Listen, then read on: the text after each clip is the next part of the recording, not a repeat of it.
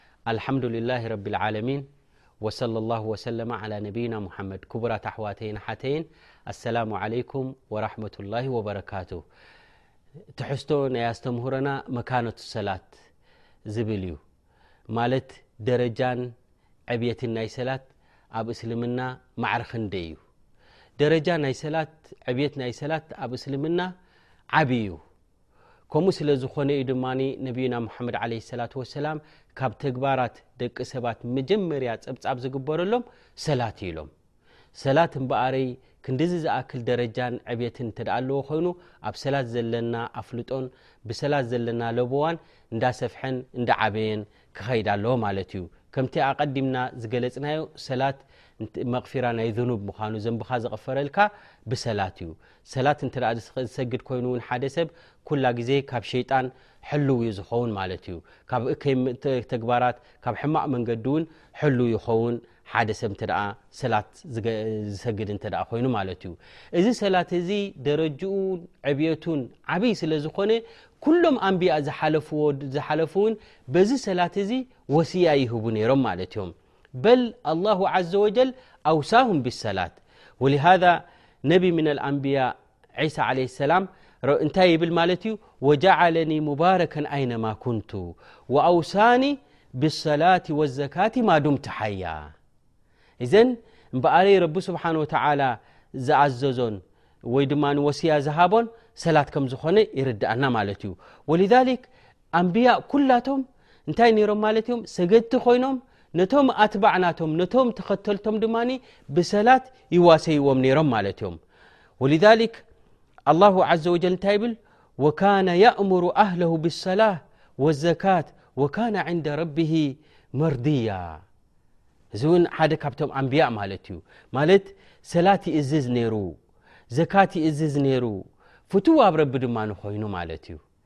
እዘን ብምንታይ ወስያ ይህቡ ነሮም ብምንታይ ይምዕዱ ነሮም እተ ተባሂሉ ብሰላት ምክንያቱ ሰላት እዩ ናብ ረቢ ስብሓን ወተላ ከቕርበካ ዝኽእል ሰላት እዩ ካብ መንገዲ ክሕደት ናብ መንገዲ ቕንዕና ክመርሓካ ዝኽእል ማለት እዩ ወሊሊ ላ ዘ ወጀል ኣሚረ ነብዮ ለ ሰላ ሰላ እንታይ ኢለዎም ዋእሙር ኣህለካ ብሰላ ወስጠብር ዓለይሃ ላ ነስኣሉካ ርዝቀን ናሕኑ ነርዝቁካ ወልዓቂበቱ ልተቅዋ እዘን ሰላት ንክእዝዙን ሰላት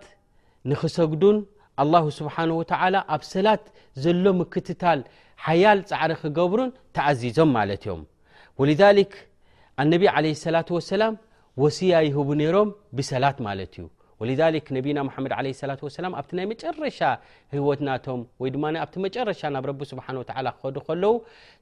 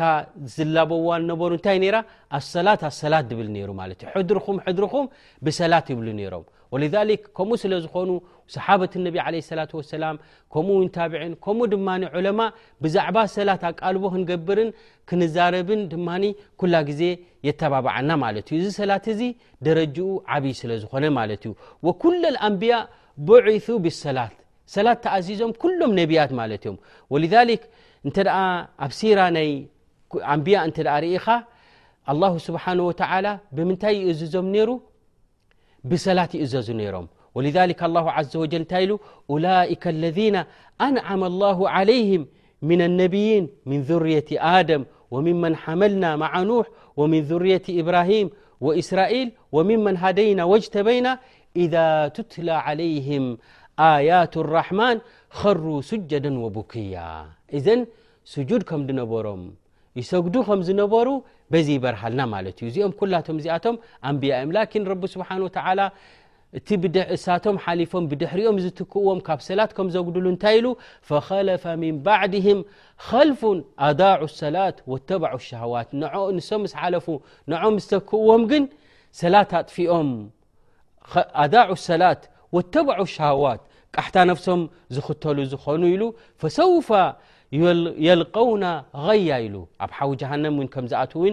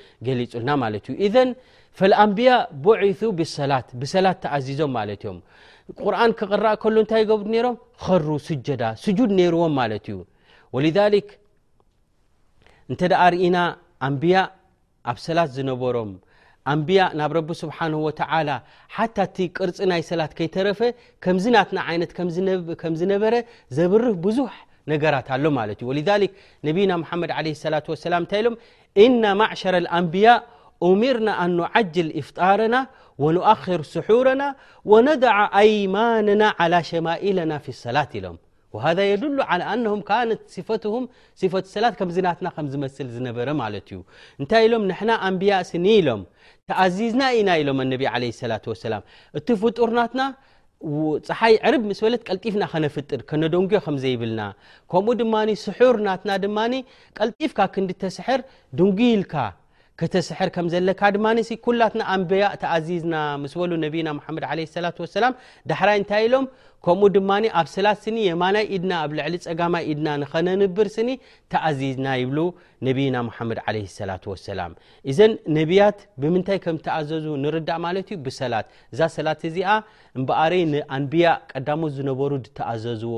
ንሕና ድተኣዘዝናዮ ወስያ ናይ ረሱል ለ ሰላ ወሰላም ድኣዘዙና ስለ ዝኾነ ኣብ ሰላት ዘለና ኣቃልቦ ደረጃ ናይ ሰላትን ዕብት ናይ ሰላትን ዝያዳ ክንፈልጦ ይግብኣና ማለት እዩ ወ ኣብ صሒሕ ሙስሊም ነብይና ሙሓመድ ለ ሰላ ሰላ ንታይ ኢሎም መረርቱ ዓላ ሙሳ ወህዋ ዩሰሊ ዓላ ቀብሪ ኢሎም ኣላ ኣክበር በቲ ናይ ሰይድና ሙሳ ዘለዎ ቀብሪ ብኡ ሓሊፈ ስኒ ሰይድና ሙሳ ይሰግዱ ነይሮም ኢሎም ነቢ ለ ሰላ ሰላም እዘን ኣልኣንብያ ይሰግዱ ከም ዝነበሩ ማለት እዩ ከረዳኣና ዘ ብሓደ ደ ወሸነኽ ድማ ኣብ ሳሒሐይን ዘሎ ድማ ኣነቢ ለ ሰላ ወሰላም እንታይ ኢሎም ኣፍደሉ ሰላት ሰላቱ ዳውድ ኢሎም እታ ዝበለፀት ሰላትኒ ሰላት ናይ ዳውድ እያ ይብሉ ነቢና ሙሓመድ ለ ሰላ ወሰላም እዘን ሰላት ይሰግዱ ከም ዝነበሩ ኣንብያ እውን ከይተረፈ ንርዳእ በዚ ማለት እዩ ወ ኣነቢ ለ ሰላ ወሰላም ኣብ ሌይለት እስራ ልምዕራጅ ብቤተልመቅዲስ ገይሮም ምስ ሓለፉ ኣላሁ ዘ ወጀል ብቁድረት ሕክመት ኩሎም ኣንብያ ኣኪብሎም ማለት እዩ ኣነቢ ለ ሰላ ወሰላም ኢማም ኮይኖም ኣስጊዶሞም ማለት እዮም ወሊክ ምስ ረሱል ለ ሰላ ወሰላም ክሰግዱ ከለዉ ከምቲ ረሱል ለ ሰላ ወሰላም ዝሰገድዎ ሰጊዶም ኣለዉ ማለት እዮም ምክንያቱ ነቢና ሓመድ ለ ሰላ ወሰላም እንታይ ኢሎም ኢነማ ጁዒለ ልእማም ልዩእተማ ብሂ ፈላ ተክተሊፉ ዓለይህ ኢሎም እዘን ኣነቢ ለ ሰላት ወሰላም ኣመሁም ወሰሉ ከልፈሁ እዘን እቶም ኣንብያ ከይተረፉ እቲ ዝዓበየ ናብ ረቢ ስብሓን ወተላ ዘቀራርብ ሰላት ስለ ዝኾነ ይሰግዱ ነይሮም ማለት እዮም ወነቢ ዓለ ሰላት ወሰላም ውን ኣዚዞምና ኣብ መጨረሻ ሂወቶም ን ብሰላት ወስያ ሂቦም ማለት እዮም እዘን ኣንብያ ዝሰግዱ ከም ዝነበሩ ነቢ ዓለ ሰላት ወሰላም ኣብ መጨረሻ ናይ ዕድሚኦምን ብሰላት ካብ ኣዘዙ ከምኡ ውን ሓታ መላእካ ከይተረፉ ይሰግዱ ምዃኖም ረቢ ስብሓን ወላ ወይ ኣብ ሓዲስ ስለ ክግለጸልና ከሎ እዚ ሰላት ስኒ ደረጃ ናቱ ዕብት ናቱ ዓብዪ ምዃኑ ይበርሃልና ማለት እዩ ወልክ ሓታ መላእካ ከይተረፉ ከም ዝሰግዱ ኣነቢ ዓለ ሰላት ወሰላም እንታይ ኢሎም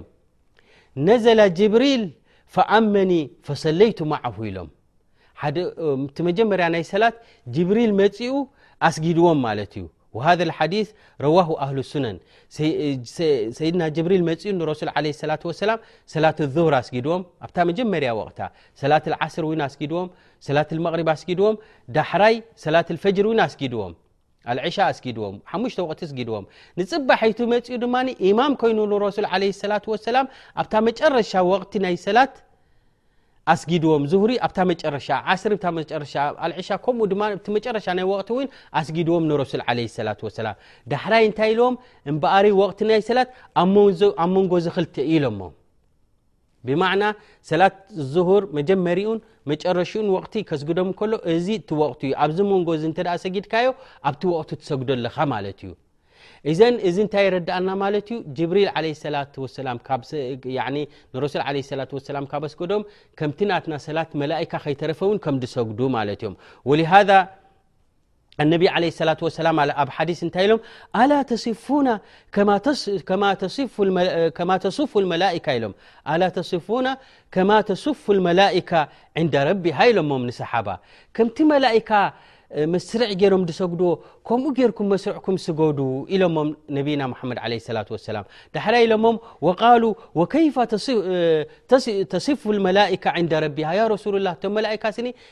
ከመይ ኢሎም ኣ ሰፍ ናቶም ይገብሩ ኢሎም ምስ ሓተትዎም ንረሱል ለ ላ ሰላም ኢሎሞም ዩቲሙነ ሰፍ ኣወል ፈልኣወል እቲ ቀዳማይ መስርዕ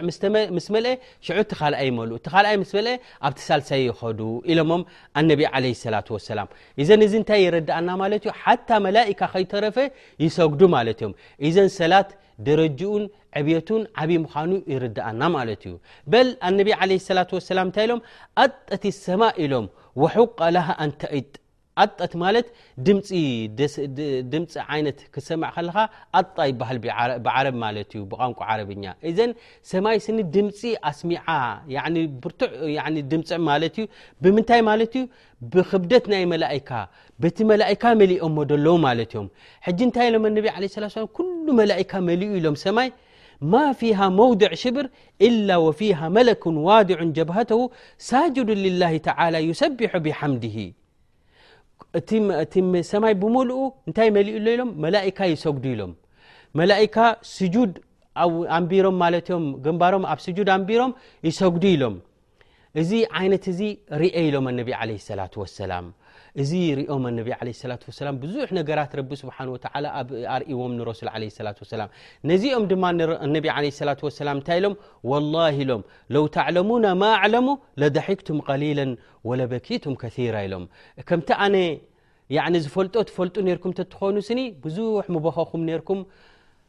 ቁሩብ ድማ ንምሰሓቕኩም ነርኩም ኢሎም ማለት እዮም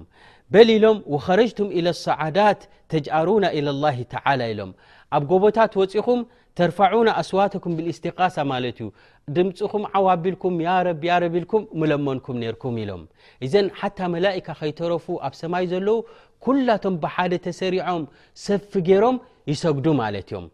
ወሊሊክ ኣላ ዘ ወጀል እንታይ ኢሉ እነ ለذነ ዕንደ ረቢክ ላ የስተክብሩን ን ዕባደት ወዩሰቢሑነ ወለሁ የስጅዱን ኢሉ እዘን ቶም መላእካ ኣብ ሰማይ ዘለዉ ከይተረፉ ንረቢ ስብሓን ወተላ ይሰግድሉ ማለት እዮም እዘን እዚ እንታይ የረድኣና እንተ ተባሂሉ ሰላት ደረጅኡ ስኒ ዓብይ ምዃኑ መካና ናይ ሰላት ኣብ ቅድሚ ረቢ ስኒ ዓብይ ምዃኑ ደረጅኡ ይበርሃልና ማለት እዩ ወልዛሊክ እንታይ ኢና ክንብል ንደሊ ማለት እዩ እምበኣረይ እዚ ሰላት እዚ ዕብት ናቱ ደረጃ ናቱ ስኒ ዓብዩ እሞ ንሕና ድማ ደለና ኣቃልቦን ደለና ኣስተምህሮን ኣብ ናይ ሰላት ድማ ዝዓበየ ክኸውን ኣለዎ ማለት እዩ ኣንብያ ኩላቶም እንታይ እዮም ነሮም እተ ተባሂሎም ሰላት ይሰግዱ ነይሮም መላካ ኣብ ሰማይ ዘለዉ ኣብ ኩሉ ዘለዉ መላካ ንረቢ ስብሓን ወተላ ይሰግድሉ ሓታ እቲ ክሰግዱ ከለዉ ከመይ ዓይነት መስርዕ ገሮም ከም ዝሰግዱ ነብይና ሓመድ ለ ሰላ ወሰላም ገሊፆምልና ማለት እዮም እዘን እዚ እንታይ የረዳኣና ማለት እዩ እዛ ሰላት እዚኣ ናይ ብሓቂ ዕብት ከምዘለዋ ክብረት ከም ዘለዋ ማለት እዩ ስለዚ ክቡር ሓወ ክብርቲ ሓፍተይ ንሰላት ዘለና ኣቃልቦ ዓበይ ክኸውን ኣለዎ ተገዳስነት ዘለና ኣብ ሰላት እንዳ ዓበየ ክኸይድ ኣለዎ ማለት እዩ መላካ ንረቢ ስብሓን ወተላ ዝሰግዱ ብሉፃት ምሩፃት ዝኾኑ ወላ ሓንቲ ዘንቢ ዘይብሎም ንረቢ ስብሓን ወ ናብ ረቢ ብምንታይ ይቀራረቡ ኣለዉ ብሰላት ንሕና ውን ናብ ረቢ ስብሓን ወ እተ ክንቀርብ ኮይና ሓጃ ዘለና ጉዳይ ዘለና ካብ ረቢ ስብሓን ወ እተ ክንልምን ኮይና ብሰላት ኢና ክንቀርብ ዘለና ማለት እዩ ሰላት እንተ ዝሰግድ ኮይኑ ሓደ ሰብ ናብ ረቢ ዝቀረበ እዩ ዝኸውን ብፍላይ ድማ ኣብ ስጁድ ክትከውን ከለካ እተ ሰጊድካ ኣለካ እሞ ብ ስጁድ ኮንካ ንረቢ ስብሓን ወተላ እተ ትልምኖ ኣለካ ኮንካ ኣቅረብ ኢካ ዘለካ ማለት እዩ እሞ ኣልሓምድልላህ ረቢ ስብሓን ወተላ ዘቀራርብ ሰላት ሂቡና እንከሎ ናብኡ ዘቅርብ ንሕና ወላ ምስዚ ኩሉ ዘንብናን ምስዚ ኩሉ ጉድለትናን ኣላሁ ስብሓን ወተላ ናባይ ክትቀርቡ እተ ደሊኹም ብሰላት ኢኹም ትቀርቡ እተ ኢሉናስ ነዚ ሰላት እዚ ከመይ ኢልና ክንሰንፍ ንኽእል ማለት እዩ በል ኣብ ሰላት ዘለና ኣትኩረት ኣብ ሰላት ዘለና ኣቃልቦ ዝዓበይ ዩ ክኸውን ዘለዎ ማለት እዩ ንሕና ኩላትና ሰም ዘንቢ ኢና ማለት እዩ ዘንብና ክቕፈረልና ንደሊ ኢና ዘንብኻ ክቕፈረልካ እተ ደሊ ኮንካ ዘንቢ ብምንታይ ይቕፈር እተ ተባሂሉ ብሰላት እዩ ኩለማ ሰብ ሰላት ኣብዚሑ ኩለማ እቲ ዘንቢ ዝነበሮ እንታይ ይኾነሉ ማለት እዩ ይቕፈረሉ ማለት እዩ ዮም ኣልቅያማ ድማ እቲ ፀብፃብ ናትካ ድማ ፈኪስ ይኸውን እተ በዓል ሰላት ኮንካ እተ ሰላት ጉድለት ሃልዩ እኳ ኮይኑ ግን እንታይ ማለት እዩ ካሊእ ዝሰራሕካዮ ስራሓትካ እውን ጎደሎ እዩ ዝኸውን ማለት እዩ ወሊሊ ላሁ ዘ ወጀል እንታይ ይብል ማለት ዮም ልቅያማ ምስ ኮነ ፀብፃብ ምስ ተገበረ እተ እቲ ሰላቱ ጎደሎ እተ ኮይኑ እንሩ ዓብዲ ሃለሁ ም ናፊላ ይበሃል ማለት እዩ እዚ ባርያይ ስኒ ሰላቱ ጎዲሉ ኣሎ ሱናታት ዝሰግዶ ዘብዝሖ ዝነበረ ኣለዎ ዶ ረኣይሉ ስከ ይበሃል ማለት እዩ ካብቲ ሱናታት ዘለዎ ሽዑ ይረኣይ ማለት እዩ እቲ ሱና ዝመፅኡ ድማ ነቲ ፈርድኻ ይመልኣልካ ማለት እዩ ስለዚ ሰላት ዓብይ ደረጃ ስለ ዘለዎ ኣብ ሰላት ኣትኩረት ክንገብር ይግብኣና ወሰለ ላሁ ወሰለ ላ ነብይና ሙሓመድ ራሕማን ራሒም ኣልሓምዱልላህ ረቢልዓለሚን ወሰለ ላሁ ወሰለ ላ ነብይና ሙሓመድ ክቡራት ኣሕዋተይን ኣሓተይን ኣሰላሙ ዓለይኩም ወራሕመቱላሂ ወበረካቱሁ ትሕዝቶ ናይ ኣስተምህሮና መካነቱ ሰላት ፊል ኢስላም ማለት ደረጃን ዕብየትን ናይ ሰላት ኣብ እስልምና ማዕረ ክንደይ እዩ? ደረጃ ናይ ሰላት ኣብ እስልምና እንታይ ዓይነት ኣለዎ? ንዝብል ኣብ ዝሓለፈ ትሕዝቶ እውን ተዛሪብናሉ ኔርና። ሕጂ እውን ንዕኡ መቐጸልታ ዝኸውን እዩ። ሰላት ኣብ እስልምና ዓብይ ደረጃ እዩ ዘለዎ። ከምኡ ስለ ዝኾነ እዩ ድማ ኣላሁ ዓዘ ወጀል ነዛ ሰላት እዚኣ ክእዝዛ እንከሎ ናብ ረሱል ዓለይሂ ሰላቱ ወሰላም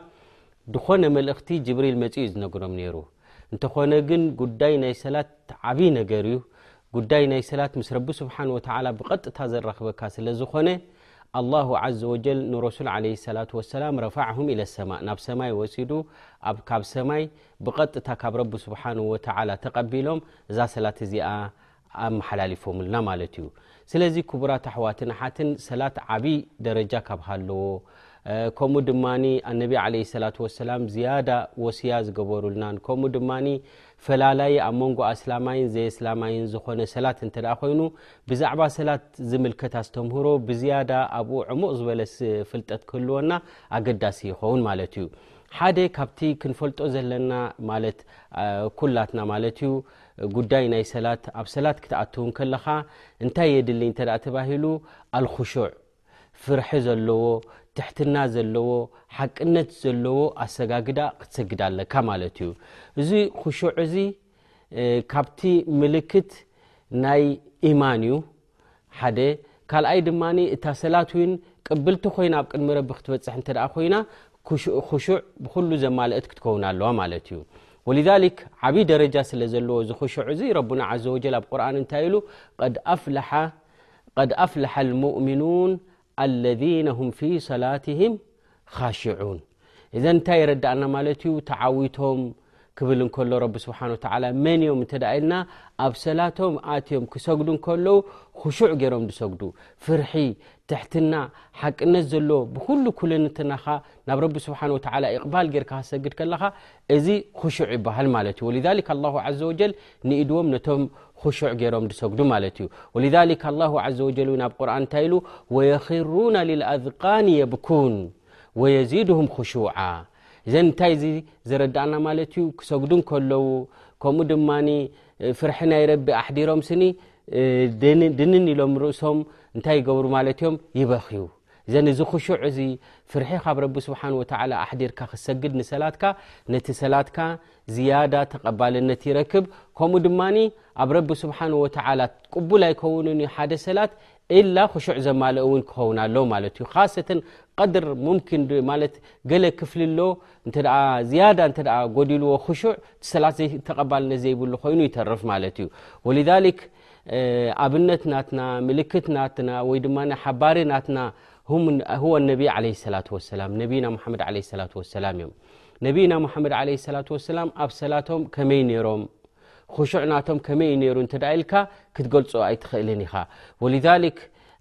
እንታይ ይብሉ ሓደ እዋን ስኒ ነብዩና ሙሓመድ ለ ሰላ ሰላም ፊ ሓዲ ኣቢ ዘር ዕንደ ነሳ ኢሎም ነቢ ለ ሰላ ሰላም ሓደ እዋን ተሲኦም ለይቲ ይሰግዱ ነይሮም እንዳ ሰገዱ ከለዉ ብሓንቲ ኣያ ሓዲሮም ኢሉ ኢንትዓዚብሁም ፈኢነሁም ዕባዱክ ወኢን ተግፊር ለሁም ፈኢነካ ኣንተ ዓዚዙ ሓኪም ዝብል ነዚኣ እንዳደጋገሙ ነቢ ለ ሰላ ሰላም ክበኽ ሓዲሮም ማለት እዮም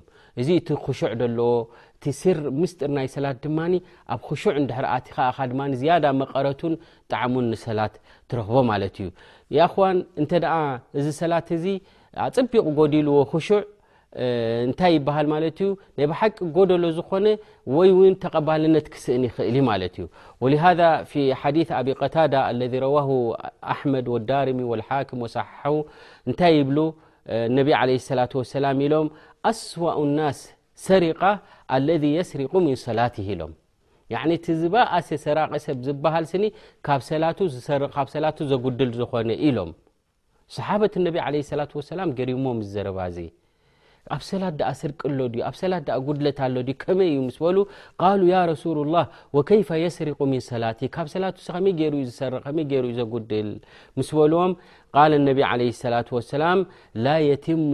ርኩዓሃ ወላ ስጁድሃ ወላ ክሹዑሃ ኢሎም እዘን እታ ሰላት ክሰግድ እንከሎ ስኒ ርኩዕ ናታ ሙሉእ ገይሩ ርኩዕ ዘይገብር ስጁድ ሙሉእ ዝኾነ ስጁድ ዘይገብር ከምኡ ድማ ነቲ ክሹዕ ድማ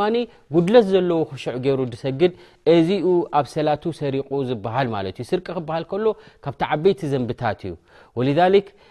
ሓራም እዩ ስርቂ እውን ዝኸፍአ ዝበኣሰ ስርቂ ግን ኣብ ሰላትካ ተጉድሎ እዩ ማለት እዩ ስለዚ ክሰግድ እንከለኻ ውድኡካ ማልእካ ጠሃራኻ ማልእካ ምስ ኣተኻ ናይ ብሓቂ እቕባል ጌርካ ናብቲ ሰላትካ ዘለካ ትኩረት ብዛዓበየ ክዓብያ ኣሎ ማለት እዩ ክሹዕ ዝመልኦ ኣሰጋግዳ ምእንትን ክኸውን ክሹዕ ደለዎ ሰላት እንተ ሰጊድካ ድማ እዚ ምልክት ናይ ዓወት እዩ ምክንያቱ ረቢ ስብሓን ወተላ ቀድ ኣፍላሓ ልሙእሚኑን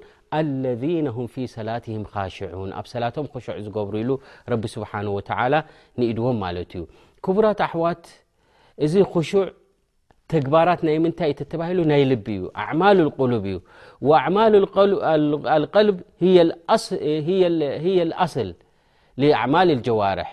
ንግዳማዊ ተግባራት እንሰርሖ ድማ ዝያዳ ደጋፊኡን ዝያዳ ናይ ብሓቂ ክገብሮ ዝኽእል እተ እቲ ልቢ ቀኒዑ ኣሎ ኮይኑ ማለት እዩ እዘን እዛ ልቢ እዚኣ ኣብኡ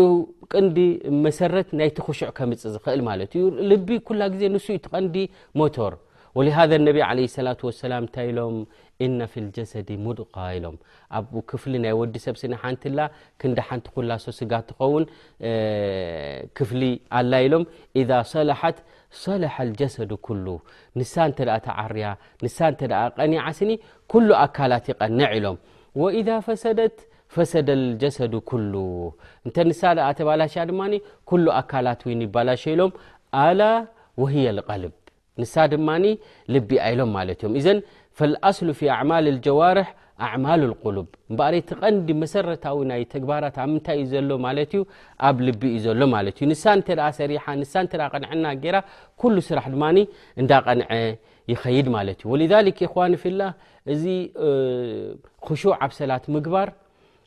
ዓቢ ኣቃልቦ ክንገብረሉ ኣለና። እወ ሕጂ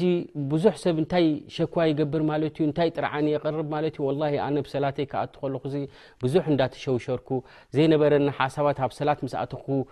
ይመፀኒ ኢሉ ብዙሕ ሰብ እዩ እዚ ጉዳይ ዝዛረበሉ ማለት እዩ እዚ እንታይ ዘረዳእና ማለት እዩ እምበኣር ብዛዕባ ክሹዕ ከምፅኣልና ዝኽእል ክሹዕ ከማዕረ ክንዲ ምንታይ ዓብይ ነገር ምዃኑ ክንዛረብን ከነፍልጥን ከምኡ ድማ ናብ ክሹዕ ዘምራሓና ነገር ከነብርህ ይግብኣና ማለት እዩ ክቡራት ኣሕዋት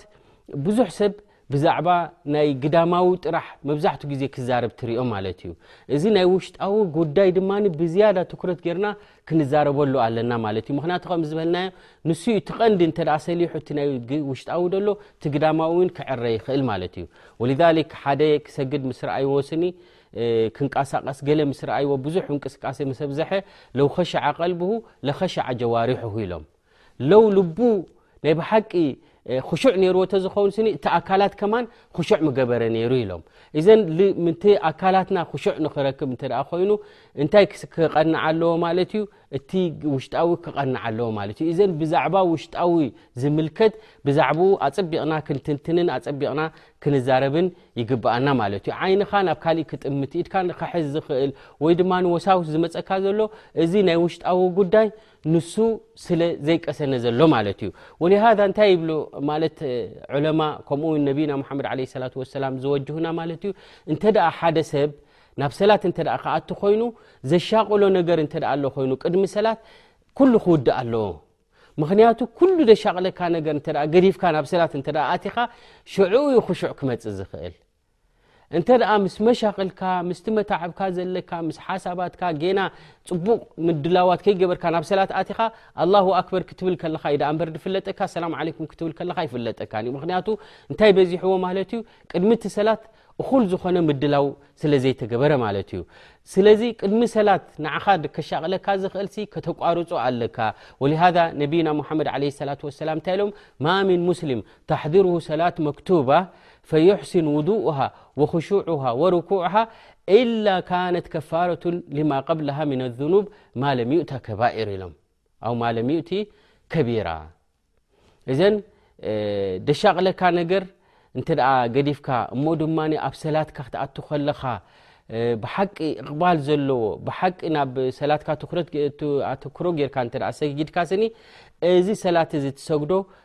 ብፍላይ ውዱእካ ብቕኑዕ ከምኡ ድማ ክሹዕ ኣሰጋግዳ ዘለካ ርኩዕ ክትገብር ከለኻ ስጁድ ክትገብር ከለኻ ብቕኑዕ ጌርካ ከምቲ ኢቃመቱ ሰላት ክበሃል ከሎ ከምቲ ጉቡኣ ጌርካ ክተቑማ ማለት እዩ ከምኡ ጌርካ እተ ሰላትካ ኣቲኻ ብከምኡ እተ ወዲእካያ ስኒ እንታይ ኢሎም ኣነቢ ዓለ ሰላት ወሰላም ኢላ ካነት ከፋረቱ ሊማ ቀብልሃ ንቅድሚኡ ዝሰራሕካዮ ዘንብታት ይቕፈረልካ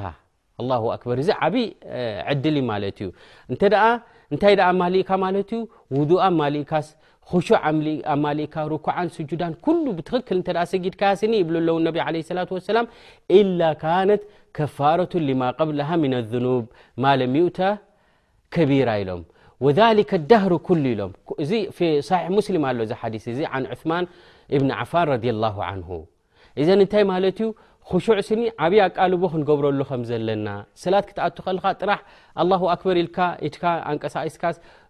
ሕቆኻ ኣድኒንካ ወይ ድማ ስጁድ ጌርካ ብኡ ጥራሕ እንድሕር ወፂኻ እዚ እኹል ኣይኮነን ኣብ ውሽጢ ሰላት ዘለካ ምስ ረቢ ስብሓን ወተዓላ ትዛረብ ከም ዘለኻ ዓዘማ ናይ ረቢ ኣሕዲርካ እንተ ትሰግድ ኣለካ ኮንካ እቲ ሰላትካ ቅኑዕ ይኸውን ከምኡ ድማ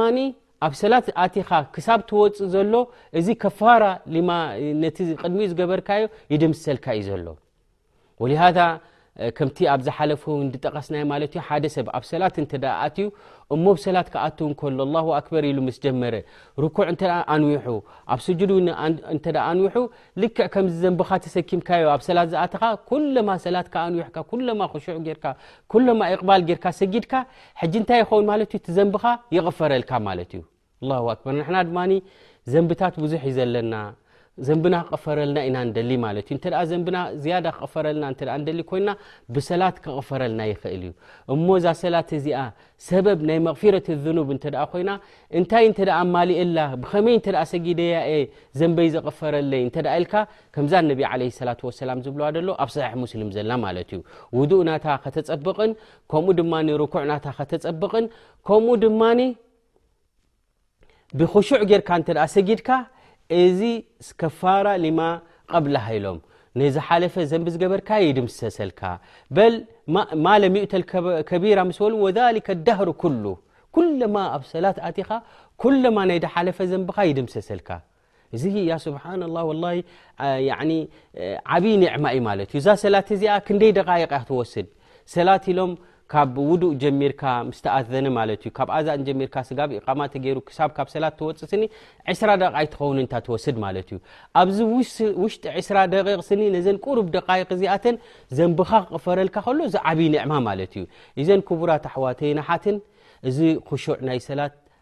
ዓቢ ኣቃልቦ ክንገብረሉን ክንግደሰሉን ይግብኣና ምኽንያቱ